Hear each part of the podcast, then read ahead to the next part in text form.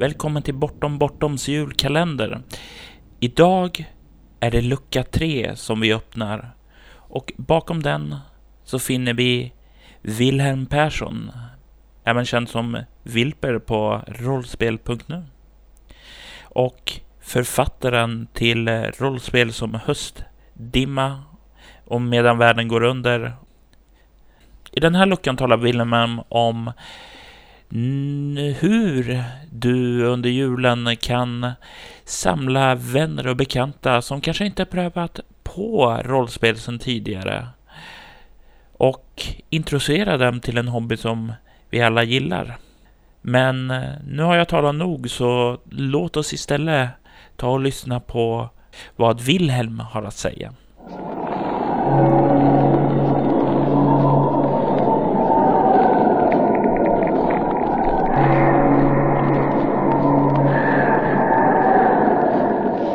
Hej, jag heter Wilhelm och det är den 3 december och jag sitter och funderar på jul. Det är ungefär tre veckor kvar tills det drar ihop sig och vi samlar oss för eh, julfirande. Folk som har varit bortresta kommer hem och de som har varit iväg eh, själva återvänder till, kanske till sina gamla trakter.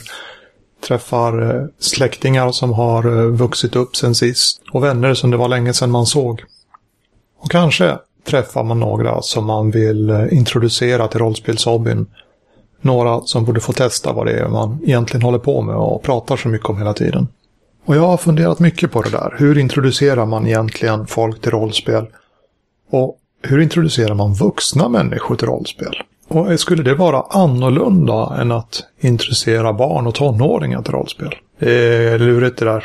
Men vid mitt bord de sista åren har det kommit ganska mycket vuxna människor som har velat prova rollspel. Vänner och vänner till vänner och släktingar till bekanta som har eh, hört att här kan man få testa hur det fungerar och se vad det är för någonting de håller på med egentligen. Och då frågar jag mig nästan varje gång, men vilket spel ska vi prova med den här gången? Vilket spel passar för just den här nybörjaren? Det finns ju så många olika kriterier för vad som skulle vara ett bra spel för en nybörjare. Det ska vara bra, det ska vara roligt så de kommer tillbaka. Och samtidigt vill du gärna ha lätta regler så att man kommer igång och spela fort. Och kanske ska det vara i en spelvärld som de kan relatera till, som de känner till sedan tidigare. Eller ska det vara en spelvärld som de aldrig hört talas om förut, så att det blir ett nytt och ännu mer äventyrligt äventyr att ge sig in i den? Ja, det är inte helt lätt att välja det där första spelet för nybörjaren.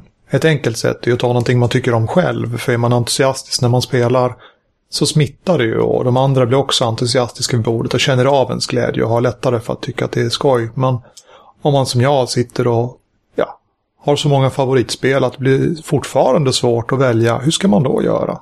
Ja, inte så lätt. Och bara för att det är ett spel som jag tycker om så betyder det inte att det är ett spel som, som du tycker om som ska introducera dina nybörjare till spel. Men jag tänkte jag skulle dela med mig av de kriterier jag har när jag väljer ut spel själv. Och kanske får du någon ny insikt eller några nya funderingar eller tankar, idéer på hur du ska göra när du själv sitter där med några nya nybörjare och de vill testa vad är rollspel. För det första, som jag redan har sagt, det måste vara någonting man tycker om själv. Tycker man om det och är entusiastisk så smittar det. Det är en jättebra början att Börja med ett spel som man själv tycker om. Välj inte ett eh, spel bara för att du har hört det ska vara nybörjarvänligt men du inte tycker om det själv. Därför att då har du inte satt din själ i det. Du, du ger inte allt och det kommer inte att bli lika bra som ifall du spelar någonting som du faktiskt tycker om själv också. För andra ska spelet vara någonting man kan spela på en kväll. Jag vet att en del gärna introducerar nybörjare genom att bjuda in dem som gästspelare i en pågående kampanj man redan är igång och allting är på plats och nybörjaren kan hoppa in och fylla en biroll eller eh, göra ett tillfälligt gästspel.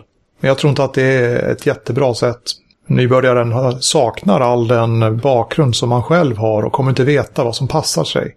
Däremot om man spelar ett eh, one-shot eller ett enkvällsäventyr så vet alla lika mycket om spelvärlden och alla kan fatta beslut på lika goda grunder om vad som passar och vad som hör hemma. Och jag tycker att spelet ska gå att spela på ganska kort tid. När jag var yngre så kunde vi utan vidare sitta i sex eller sju timmar i sträck och spela. Men nu för tiden så finner jag att folk har mindre och mindre tålamod. Och dessutom är det så mycket annat man vill göra över jul. Så ett spel som tar kort tid, två timmar, tre timmar, något sånt kanske. Kanske ännu kortare om man har möjlighet. Och så försöker jag välja ett spel där det inte gör någonting om rollpersonerna dör. Eller att det är ett spel där rollpersonerna inte kan dö. Tycker inte att nybörjaren ska komma ifrån bordet med en känsla av att de förlorade rollspelet. Och en del spel så, så kan det bli så. Blir man ett spel helt utan möjligheten att rollpersonerna dör så är ju problemet löst. Men om man väljer ett där de kan göra det så ska man se till att det är ett spel där det inte gör så mycket. Vi har spelat Old School Dungeons and Dragons.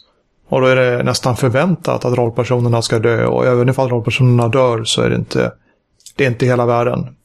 En henchman får bli uppgraderad och bli rollperson eller man hittar en eh, ny tjuv i nästa rum som kan följa med på uppdraget. Eller kanske spel som Zombie Cinema där de som dör får gå över och spela skurkarna istället. Att dö är inte ett problem i det spelet. Man får fortfarande vara med och spela och ha något precis lika roligt. Och även om det är så att de spel som jag tycker passar att spela med nybörjare och har passat de som har kommit till mitt bord inte nödvändigtvis är de spel som passar dig och dina nybörjare så tänkte jag ändå räkna upp några av mina favoriter bland nybörjarrollspelen. Och det första kriteriet var ju att jag ska själv tycka att det är roligt.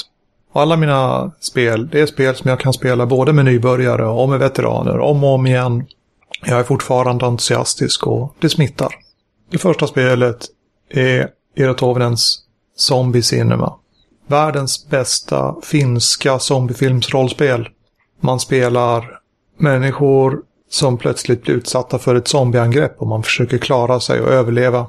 Och spelet har en stor fördel, man spelar det på en spelplan. Inte med vanliga rollformulär och papper och penna utan en spelplan med små figurer och tärningar.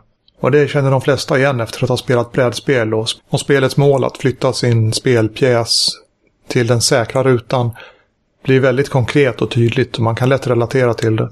Dessutom bygger spelet på att man hela tiden kommer i konflikt med de andra rollfigurerna. Och det betyder ju att man inte kan göra fel egentligen. För att om man skulle hamna i konflikt så är det ju bara bra. För då får man ju slå tärningen och ha en chans att ta sig närmare flyktvägen. Och skulle man, som de flesta ofta gör, bli uppäten av zombisarna så har man precis lika roligt ändå. Man får spela zombiesarna och ge sig efter de kvarvarande spelarna och se om man inte kan dra med sig dem ner i zombieträsket. Skulle man tycka att just zombisar inte är speciellt intressant så är det lätt att ändra spelet. Det kan vara vilken sorts katastrof som helst. En eh, jordbävning eller en eh, vampyr eller ja, ett sjunkande skepp. Varför inte? Lätt att spela, lätt att lära och lätt att förklara. Jag ska spela med nybörjare som jag inte tror är speciellt intresserade av konflikter och våld och action så spelar jag gärna The Daughters of Verona, mitt eget spel om komedier i Shakespeares anda. Spelet låter spelarna ta rollen av ett teatersällskap som blir tvungna att improvisera en romantisk komedi på scen.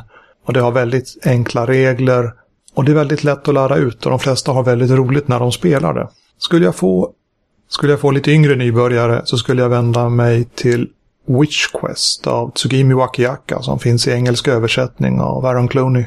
Och spelet handlar om 13-åriga flickor och deras katter när de är ute på snälla och spännande äventyr. Spelet har en spännande mekanik där spelarna spelar i par med en katt och en häxa i varje par. Och eftersom man spelar i par så har man alltid någon att prata med.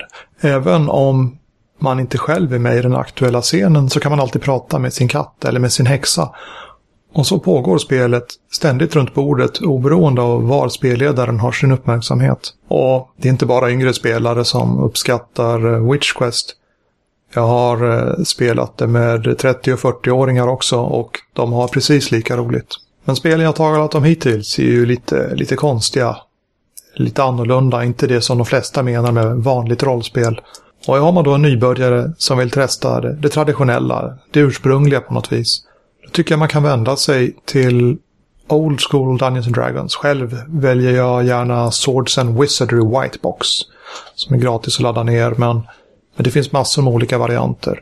spel som återskapar Dungeons and Dragons så som det såg ut i början på 70-talet och början på 80-talet. Det är spel som alla visar principerna med vad ett rollspel kan vara. Med spelledare och spelare, tärningar, rollformulär och att spela en roll. Men de har enkla regler och det är lätt att komma igång med. Ett litet grått system går ganska fort att utforska och skulle då någon av rollpersonerna dö då går det väldigt fort att göra en ny så man kan vara med och spela hela spelpasset. Och med det så önskar jag er alla en god jul.